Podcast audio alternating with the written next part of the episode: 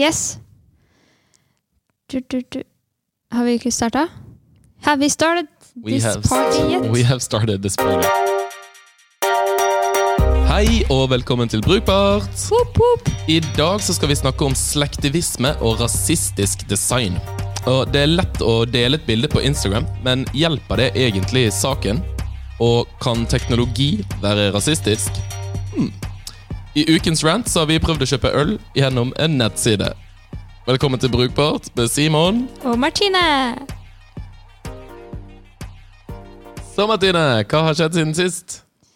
Eh, ikke så veldig mye. Jeg har eh, vært en tur i Trøndelag, da. Eh, på biltur med venner.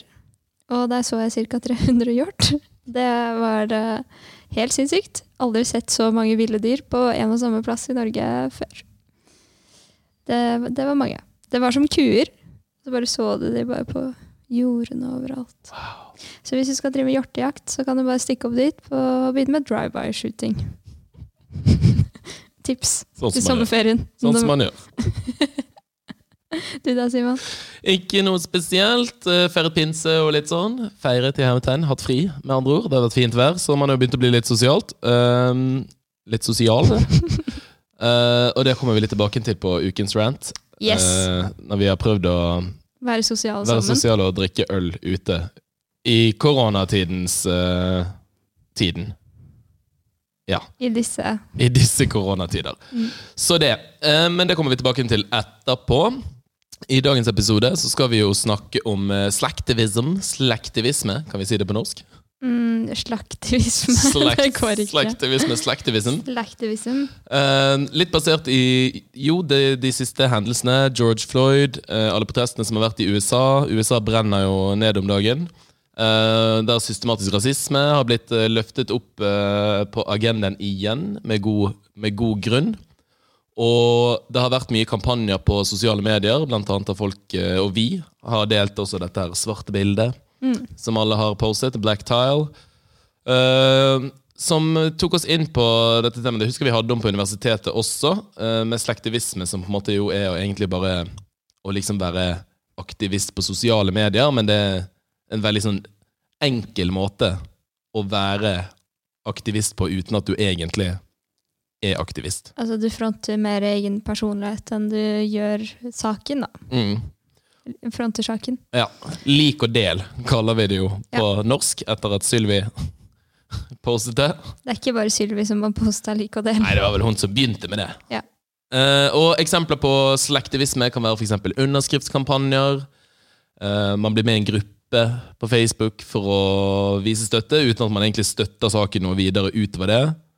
Eh, man kan copy-paste meldinger, sånne kjedebrev-type ting, eller f.eks. endre profilbilde og legge på sånne banner. Er jo, Facebook har jo faktisk laget en funksjon for slektivism, Mm. og integrert det i tjenesten sin. Som kommer hvis det er noe nytt på agendaen i verden. Mm. Men en annen ting da, som eh, også er et eksempel, er jo denne like-knappen. At vi liker jo for å vise bare sånn at dette her eh, er også min mening, da. Så det er vel egentlig den slakkeste formen for slaktivism. Mm. Og den får mye kritikk, sant? for det er det som Hvis du ser på sånn så det som skjer i USA nå, der folk står liksom på barrikadene sant? og blir, eh, blir angrepet, man blir tåregasset ned, det å faktisk være ute og kjempe en sak, da, framfor å på en måte bare sitte bak, bak PC-en din og like noe, eh, skrive et eller annet litt sånn Litt sånn enkelt. uh, har fått en del, en del kritikk, for det er jo veldig lav risiko, og det koster det nesten ingenting å, å gjøre det. Og det er veldig vanskelig ofte å vite også liksom om, om saken som, som støttes, egentlig er seriøs. uh, hva som er fakta i saken. Det finnes flere forskere som har prøvd på en måte, De har gjennomført sånne eksperimenter der de har bare opprettet en litt sånn fake sak og ser hvor fort de klarer å spre det, og det går kjempefort. Husker du en sak fra Det var vel i 2010-12-ish. Eh, Kony. Ja.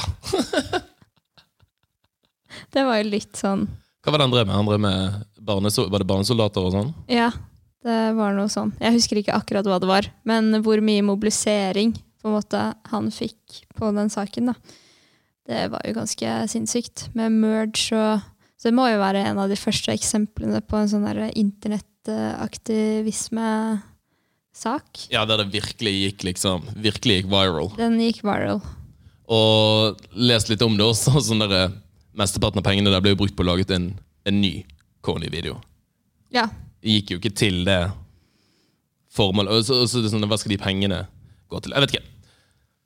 Litt uh, ja, det var jo ikke helt uh, legit. ikke helt heldig, men tanken bak sånn Slacktivism er jo på en måte å spre awareness, at folk skal bli gjort oppmerksom på en sak, som jo selvfølgelig er, er veldig viktig, men da med liksom tanken om at hvis flere mennesker blir gjort obs på det, og alle får det på liksom Det blir løftet opp på agendaen, så kommer endringen med det. Uten at det nødvendigvis stemmer, da. Ikke sant? Fordi det blir jo ofte snakket om som veldig negativt, egentlig. Altså, det er jo et negativt ladet ord. Men så er det kanskje ikke så negativt allikevel.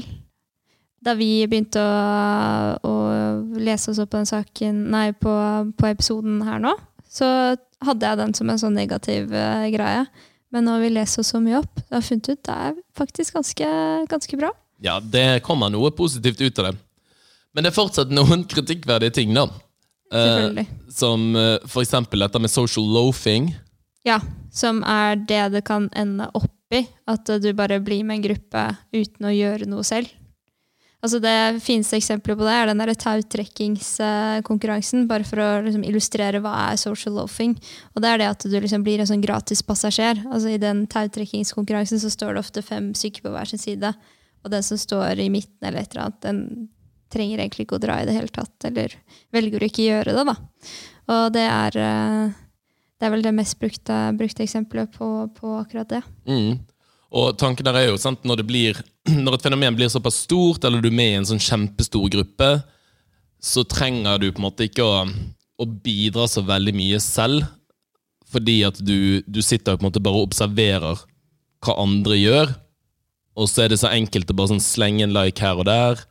Eh, det, det, er veldig sånn passiv bidragsyting, mens du selv føler at du har bidratt, uten at du egentlig har gjort noe som helst. Ikke sant? Uh, som er egentlig litt skummelt, for det kan føre til at det blir en litt sånn passiviserende greie. Men jeg syns det er veldig interessant det der, fordi hva er eh, Hvor går grensen, da? Fra slacktivism til social loafing. Nå fikk jo jeg deg til å poste det der svarte bildet, fordi jeg gikk inn på Instagram på når var det, et par dager siden. Jeg bare sånn, nå må vi poste Eller jeg- bare poster det på Brukbart, er det greit? Og du bare «Æ». Og det, bare sånn, det er jo social loafing på en måte. Fordi jeg har ikke gitt noe penger noe sted eller gjort noe annet enn akkurat det til nå, da. Uh, så er det social loafing, eller er jeg med på å liksom skape awareness blant mine følgere nå? Som også er en liksom positiv ting. Det er jo akkurat det, sant? at Man gjør på en måte begge deler, og det er jo litt av grunnen til at vi diskuterer det her også, er jo fordi at dette handler jo, Det er jo på en måte det er blitt en veldig integrert del av sosiale medier som vi bruker, og sånn som Facebook for eksempel, som har, har laget Der er det designere som har laget funksjoner som på en måte understøtter Altså De bygger opp under at folk skal drive med med slektivisme. da.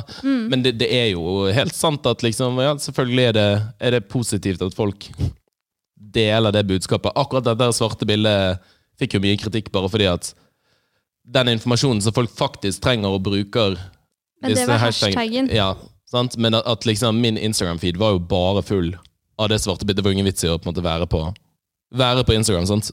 Nei. Fordi at det var bare svarte bilder. Så hvis Men- folk poster noe som faktisk er viktig, så drukner det på en måte i, i mengden. da. Ja, men hva er det du skulle se på Instagram som var veldig viktig akkurat den dagen? Nei, kanskje ikke akkurat jeg, da, men noen av de som er i USA. Ja, men jeg er enig i det. Men jeg føler at jeg på en måte satte meg enda mer inn i saken etter at det skjedde. Som er en god ting, Ja, tenker jeg.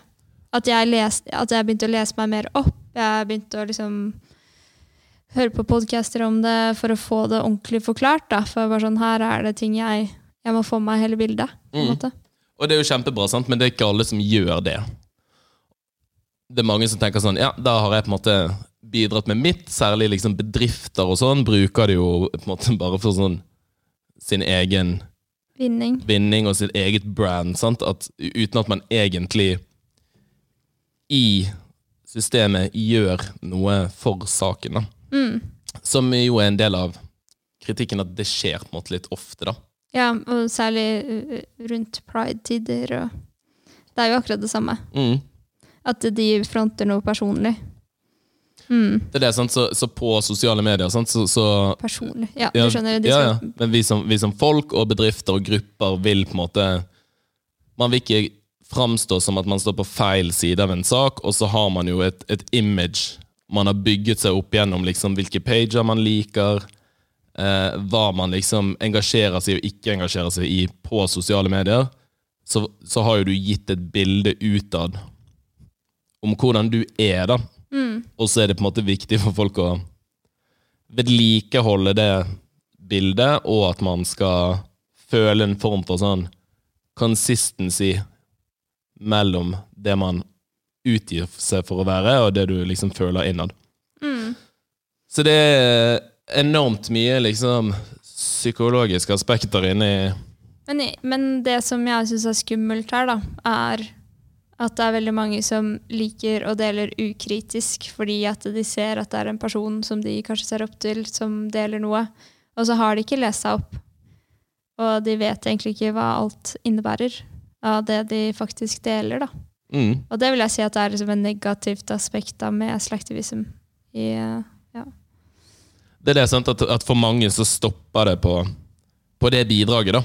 Mm. Og så, og så gjør man ikke noe mer, for da føler man seg litt sånn Å, klapp på skulderen til meg, nå har jeg vært flink og gjort noe, ja. gjort noe bra i dag, liksom. Eh, og, så, og så er man da, da på en måte ferdig, mens egentlig har ikke det skjedd noe som helst i, i verden, da. Som er litt synd. Ja, det er det. Nei, det er ikke Men det er bare for å ta en liten eh, side, sidesving her. Sånn Mark Zuckerberg, da, som nekter å faktasjekke ting. Der kommer jo den delen opp igjen også. At han eh, gidder ikke den der fact-check-in på Facebook. Fordi Jeg vet ikke. Ja, I don't know. sånn som Twitter har gjort, mener du? Ja. Ja. Og det burde jo være kjempeviktig for disse selskapene nå. Med all uh, fake news som uh, svirrer rundt. Ja, det er veldig, det er veldig spennende om dagen. Det, det, det er helt sånn sykt å sitte og følge med på, egentlig. Ja, det er jo det. Og, og så der, ja Er Twitter, Twitter som begynner å sensurere, liksom. Hashtag sensurere altså, sånt, uh, Ikke hashtag, hermetegn. Hashtag. Hashtag sensurere. Uh, presidenten, og så kommer han og skal liksom banne de, og bare sånn Oh my lord. Land Ja, of the men- free, liksom. Ja, men det er jo, han er jo en, et av de største problemene her, i utgangspunktet. Så er det også Nei, det, vi kan ta det en annen gang. Men, men eh, det, er, det er noen positive sider ved slektivisme også. Mm. For eksempel så jeg har um, eh, Michigan State University, det, det er flere andre hvis man, hvis man søker på det, som har gjort en del, en del forskning på det, der de har gjennomført liksom kontrollerte studier og, og tester, og det de har funnet er faktisk at, at slektivisme øker sannsynligheten for at man eksempel gir økonomiske bidrag til saker, eller at man også velger å eksempel sende et brev til en eller annen lokalpolitiker. Eh, at det å være med på slektivisme øker faktisk sannsynligheten for deltakelse Mm. noe, som er et lite positivt bidrag, Ja, det er bra. som er, som er bra. Um, og jeg tror det også handler om at man, man, må, man prøver å opprettholde en form for consistency mellom liksom handlingene sine. Ja, det var jo det vi snakket om ved hoarding-episoden. At du skal ha sånn mental state of equilibrium. Altså, nå har jeg skrevet masse masse om den saken der, eller at du har posta og likt og snakket med vennene dine og bare sånn 'Dette er mine meninger', og så har du faktisk ikke gjort noe, da. Da må du på en måte gjøre opp for det. For Mm. å få den derre likevekttilstanden i hodet. I hodet.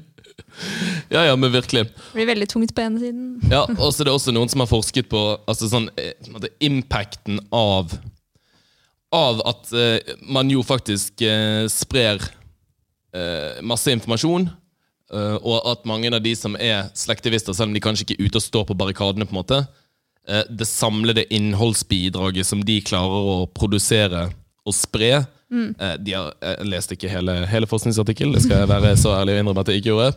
Men de har laget masse sånn modeller for hvordan liksom, gjennom ulike nettverk, bla, bla, bla, at liksom summen av dette her kan anses å, å være liksom et likeverdig bidrag, da. Mener de, selvfølgelig. Ja. En påstand, ikke Men, fakta. men det er jo en annen ting også i psykologien, er jo det commitment-prinsippet. Altså med en gang du har sagt noe, at det her skal jeg gjøre, så er det en større barriere å ikke gjøre noe på det, på en måte. Altså, da, da har du gått inn for det 40 da. Så da må du liksom gjøre det i siste òg, fordi du har fortalt vennene dine jeg skal, eh, jeg skal stå på barrikadene. Slår ikke det litt begge veier? Jeg hørte også at hvis, altså sånn, hvis du har et mål, noe du, noe du har lyst til å gjøre, liksom, Mm. så må du ikke si det til folk, fordi at bare ved å si at du skal gjøre det, så har du Så får du en sånn gratification, en klapp på skulderen. Ja, men det er litt mer selektivisme igjen, da. At da har du på en måte påbegynt. Mm. Hvis du sier sånn 'Jeg skal trene tre ganger i uken', bare med å si det, så har du liksom litt sånn Ja, for det er jo det. McDonald's-eksempelet. Hvor du går inn på Mækkern, og så står du og vurderer salaten. Så har du gitt deg en klapp på skulderen bare fordi du har vurdert det, Ja. og så kjøper du deg en Big Mac-meny. Du var inne på tanken, liksom. Ja, ja. Så sånn Ja, men det er også- Ja, men det er også en ting. Mm. Ja. Men det er også den commitment-biten, at med en gang du har gått rundt og fortalt folk at du skal gjøre noe, så uh, er det høyere sannsynlighet for at du går inn for å gjøre det. Eh, ja. Men det er eh, to sider. Men det der er interessant, ja. ja. Så Men det er jo i slekt vi som er den der gratification-delen av det. Ja. virkelig Ja. Ah, Nei, det det er ganske, ganske, ganske interessant. Mm. Vi har også sett litt på um, um, det vi har kalt for rasistisk design. Mye omdiskutert før vi startet denne episoden i dag. Racist design har vi skrevet skråstrek, skråstrek design for mangfold. Ja, altså jeg var jo veldig for at vi skulle kalle det for rasistisk design. Også Jeg tror, jeg tror det, det snakker vi litt om, sant? at det er vanskelig for folk som ikke har opplevd disse tingene her, å egentlig skjønne Det kan være alt fra små ting. Jeg er jo eh, halvt afrikansk, og det er ikke det at jeg har opplevd noe sånn vanvittig systematisk eh, rasisme som minner om det som pågår i USA nå i det hele tatt. Men det å når man vokser opp, for eksempel, sant? på 90-tallet, så det var jo ikke liksom brune barn i TV-reklamer, på produkter, på, imp på liksom emballasje og innpakning. Eh, at ting er liksom ikke laget for deg. Og man er jo alltid liksom var den som var den brune kiden i klassen, liksom. sant? Og selv om ikke folk har oppført seg stygt, sant? Altså, det, det er bare sånn utrolig vanskelig for folk å, å mye, skjønne det. men tenkte du mye på det da du var liten? Ja. Mm. Men eh, jeg har jo en, en grei syke. Sant? Så sånn, det, det, er det er jo få tilfeller der folk har vært jævlig stygge med meg. Det er jo ute på byen liksom, når en eller annen fyllik kommer bort og sier sånn 'Kom deg hjem der du kommer fra'. Så er det sånn 'Hæ? Til Bergen?' Men det er jo helt sjukt. ja. Men det er jo helt sjukt at det skjer Ja, fortsatt. Og det er jo det som er hele opplegget som skjer nå. handler om det her. Mm. Det handler jo ikke bare om politivold i USA. Det handler om hele greia. ja. Fordi man tror man har uh, fighta noe ferdig, og så er det ikke det i det hele tatt. Nei, og mye av det er så underbevisst, sant? som eh, litt det vi, vi skal inn på nå. At måte, sånn, eh, mangfold innenfor IT-bransjen, for eksempel. Sant? Det er jo også bare, Man husker jo det fra, fra studietiden også. Det er jo ikke noe diverse i det hele tatt. Verken i form for, av liksom etnisiteter eller kjønn.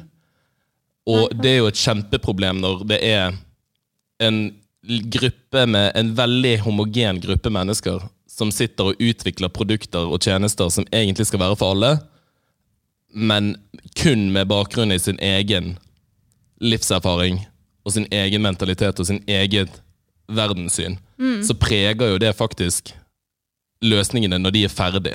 Absolutt. Uten at man har, man har ikke gått inn for å, for å gjøre noe, noe dårlig, liksom. Men det blir det fordi du får ikke andre perspektiver. Det er jo samme når man, når man er ute og bruker tester, produkter og løsninger. Hvem er det du egentlig har brukertestet det med? Har du brukertestet det med innvandrerfamilier på østkanten i Oslo? De færreste har jo det. Ja. Det er jo unge, unge studenter eller liksom vestkantfolk man, man stort sett tester sånne ting med. sant? ja. Der ser vi også at man er veldig dårlig på å teste folk utenfor Oslo generelt. Altså, man, man får den inni gryta-mentaliteten. Altså, det er folk i byen. Det er det, sant? Og man tar liksom utgangspunkt i at sånn, ja, selvfølgelig er jo alle andre også sånn dugelig privilegerte folk som går på, har gått på Blindern og, og bor innenfor Ring 2 i Oslo.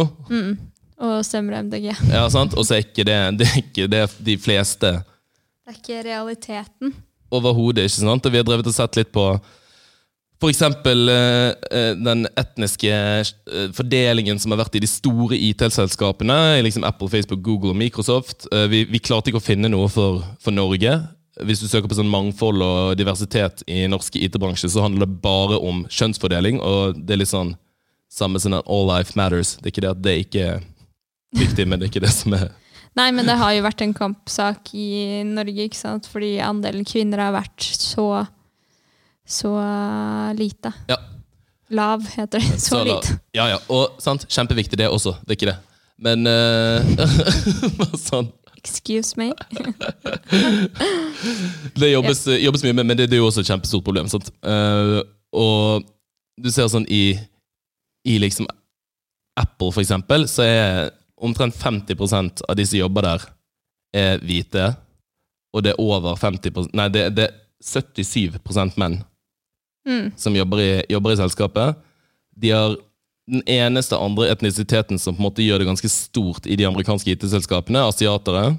Ja. Eh, som jo heller ikke er noen sånn overraskende Hvis du skal stereotype veldig, så er det sånn oh, surprise. Mm.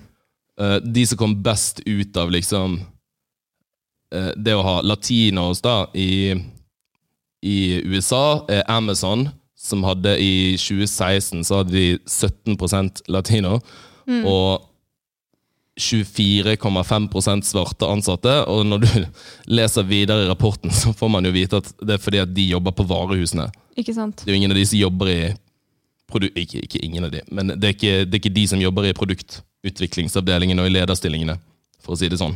De har faktisk ting eh, ja, som sendes, altså fysiske varer, som eh, ja, Som et not good. kjempeproblem, da. Og dette her har jo Men det her pynter jo statistikken til Amazon, da. Veldig, sant? Så de jo, det, det er jo selskapene selv som har, har gitt disse tallene her, som vi, det, vi har fått det fra, fra Wired og TechCrunch, eh, som har samlet de rapportene. Men, men det har jo real life konsekvenser, sant? Eh, et veldig kjent eksempel som ble skrevet om av eh, Metro, den eh, gratisavisen i London, er om en sånn rasistisk såpedispenser som bruker eh, bruker uh, UV-lys eller sånn infrarød, infrarød stråling for å liksom sende lys tilbake igjen for å detektere om det er en hånd under. Mm. det, sånn at det skal komme såpe ut. Og hvis du har litt for mørk hånd, så kommer ikke det nok lys tilbake igjen fordi at det mørke absorberer for mye lys. Så den funker ikke. Så virker den ikke. Herregud. Eller med maskinlæring og bildesøk, eksempel. Ja, vi har jo det eksempelet fra Google eh, sitt eh, ja, maskinlærings eh, bildegjenkjenningsteknologi. Hvor de da var et uh, svart par som hadde blitt uh, tagget som gorillaer. Og det er veldig, veldig uheldig. Veldig uheldig, mildt sagt, liksom. Fy søren. Og samme, Det har også vært et, faktisk et ganske stort problem med selvkjørende biler nå også. At de måten, altså teknologiene de bruker, sant, ikke liksom fanger opp mørkhudede folk like godt som de fanger opp folk med lys hud. Ja. Og der hadde du et eksempel også, som jeg husker, husker nå, da du skulle ta passbilder på eh, Oslo. Ja, ja, Det er jo det sykeste. ja på trafikkskolen her. Så Ja, det- satt, ja, Oppe på kjøreskolen, der er de også sånn eh, For du må smile, sant? og du må gjøre det, det skal være, du skal vise ørene og ditten datten, bla, bla, bla. Så de har en sånn maskin i ansiktsgjenkjenningsprogram bare et eller annet greier. Satt jeg der, og det står sånn Du skal ikke smile, og bla, bla, bla. Og sitter der og gjør akkurat som man får bedt om. Og så tar de bildet. Det ser helt ok ut. Og så kommer det opp beskjed. Du må ta det på nytt igjen. Du skal ikke smile. Så bare, Jeg smiler ikke. Jeg gjør, jeg gjør ingenting. Jeg sitter her helt vanlig, liksom. Jeg måtte ta det bildet seks ganger før det gikk gjennom. Og det er jo garantert også fordi at de som har laget det Ikke har brukt testa. Nei, og alle som jobber der, er sikkert hvit. Og de har ikke, de har ikke, de har ikke streifet de, sant? At kanskje noen skal ta førerkortet som har en litt mørkere hudfarge, og at denne bildekalibreringsgreiene ikke virker. Så langt har det ikke kommet. Nei, nei, og det, det er jo helt eh, Men sant, det, det er jo ikke, jeg tror ikke de har bevisst gjort det, sant? men det gjør jo det nesten litt verre. Men det er Ja. Men sa du ifra om det? Nei. Hvem skal jeg si fra til, da? Han som jobber på Ja, jeg tenker at det er liksom en ting å ta opp, da. Mm. Og kanskje få bytta ut ganske kjapt. Ja, Burde faktisk sende din mail. Ja, det, sier det syns jeg du skal gjøre. Så aktivist, aktivisten min på. Ja, nå er du slektivist slektivist her på den der fotomaskina oppe på trafikkskolen veldig lenge. Jeg tror jeg bare blitt så vant til siden jeg jo har denne podkasten, så jeg kan bare komme liksom søndagen etterpå og få utløp for det. Så glemmer jeg å faktisk si ifra. Ja. Men det er jo helt krise. Tenk med disse selvkjørende bilene, hvis ikke de blir kalibrert ordentlig. Ja. Det er jo dritfarlig. Ja, det er kjempefarlig. Men det Der må du ta høyde for. Ja, Elon, vi har høyere forventninger enn dette her. Ja, han eh, Han burde Ja, han tenker på det. Eller kanskje ikke han, men jeg håper noen som jobber for han. Mm. Nei, men sum, eh, konklusjonen her er jo at liksom sånn, dette, dette er noe vi alle må Iallfall vi som designere tror jeg har en liksom særegen rolle. Ja, og så tenker jeg liksom det, eh, Ikke bare designere, men alle. Med en gang man hører sånne ting, da, så må man si ifra. Altså si ifra til folk rundt, og så alt det vi har snakket om. Be de holde kjeft og si det der er ikke greit. Mm. Det syns jeg er veldig viktig. Ja. Take it to the streets. Og Ja. take it to the manager, Karen. ja, Vi har fått en manager. Nice. Vi skal over på vår faste spalte. Etter denne, denne 30 minutters lange ranten, så skal vi over på vår faste spalte. Ukas rant. Ja, vi har jo vært ute og prøvd å drikke øl. Mm. Nå er det jo sånn i disse koronatider at det er en del restriksjoner ute på serveringsstedene. Nå har du akkurat sluppet opp, så nå kan vi være flere enn fem rundt et bord, f.eks. Nå er det maks 20. 20. Ja. Ja. Men det er fortsatt sånn at man ikke kan interagere. Man kan ikke stå ved en bar og kjøpe øl.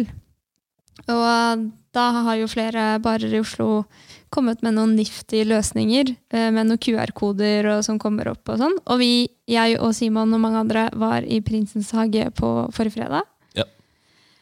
Og skulle kjøpe øl. Da har de en tjeneste som heter Appless. Yes. Et godt konsept. Eh, Ja, for det funker egentlig veldig bra. Fordi du tar bare bilde av en QR-kode, og så popper det opp en side, og så bestiller du, deg, bestiller du det du vil ha. Forresten helt forferdelig egentlig UI på det der, fordi du må bla deg gjennom alt. Du kan ikke søke på noe, du er ikke kategorisert på vin og drinker og brus og disse tingene. Så en liten pekefinger der. mm. Men hovedproblemet var at Prinsens hage var så full. Baren hadde ikke kapasitet. Så for det første, når du fikk bestilt, så tok det mellom et kvarter og 30 minutter før du fikk en SMS hvor det sto at du kunne gå og hente ølen din. Det er litt for lenge når du har satt deg ned og er keen på en øl i sommersola. Eh, og så skal man bestille nummer to, og da er eh, hele tjenesten ikke nede, men du får en sånn derre pop-up-aktig greie. Du må nok vente fem minutter med å bestille. Fy søren, så irriterende. Ja. Vi satt der i fem timer, og vi fikk to øl hver, kanskje. Og så ble det jo helt sånn der, det ble jo helt åndssvakt, for man endte jo opp med å egentlig ikke snakke så veldig mye sammen. at alle satt bare, Med en gang du hadde fått en øl, så måtte du sitte og begynne å refreshe den siden. Kan jeg bare sånn eh, eh, Må bare påpeke at liksom oppi det vi akkurat har diskutert, så dette er sånn skikkelig Ilands. ilandsproblemer. Det var veldig, Vi gikk fra et veldig veldig viktig tema til bullshit. Men Det bare gikk opp for meg plutselig. Jeg ble flau. Ah. Men det var faktisk helt forferdelig. Og så, altså, ingen, ingen, som, ingen som kunne snakke sammen, for alle bare satt og refreshet telefonene sine. Og sånn går dagene i Norge. Om dagen, liksom. Nei, nå det var jævlig irriterende den kvelden. ja, nå ble jeg veldig brydd. Ja. Nei.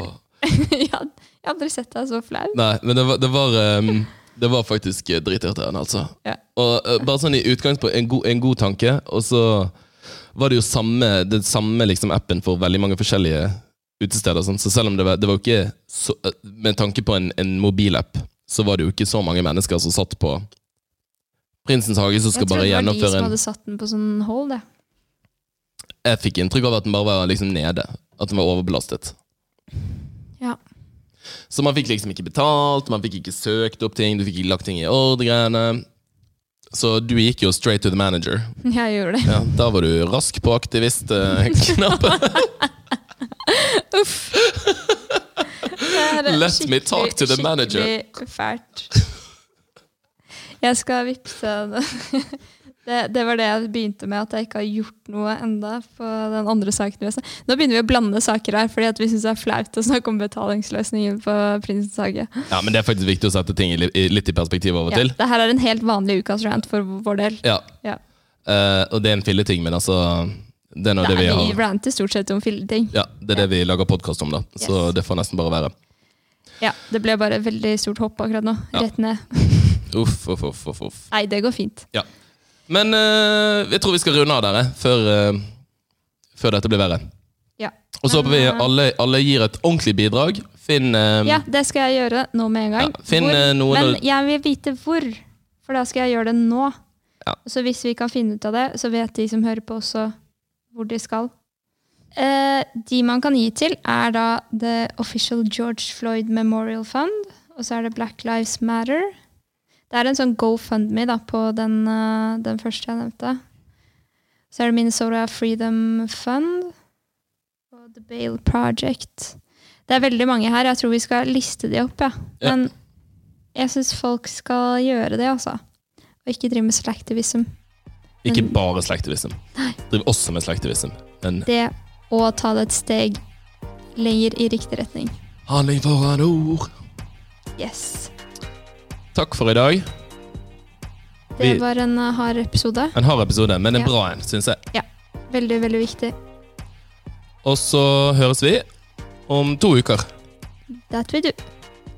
Bye! Bye!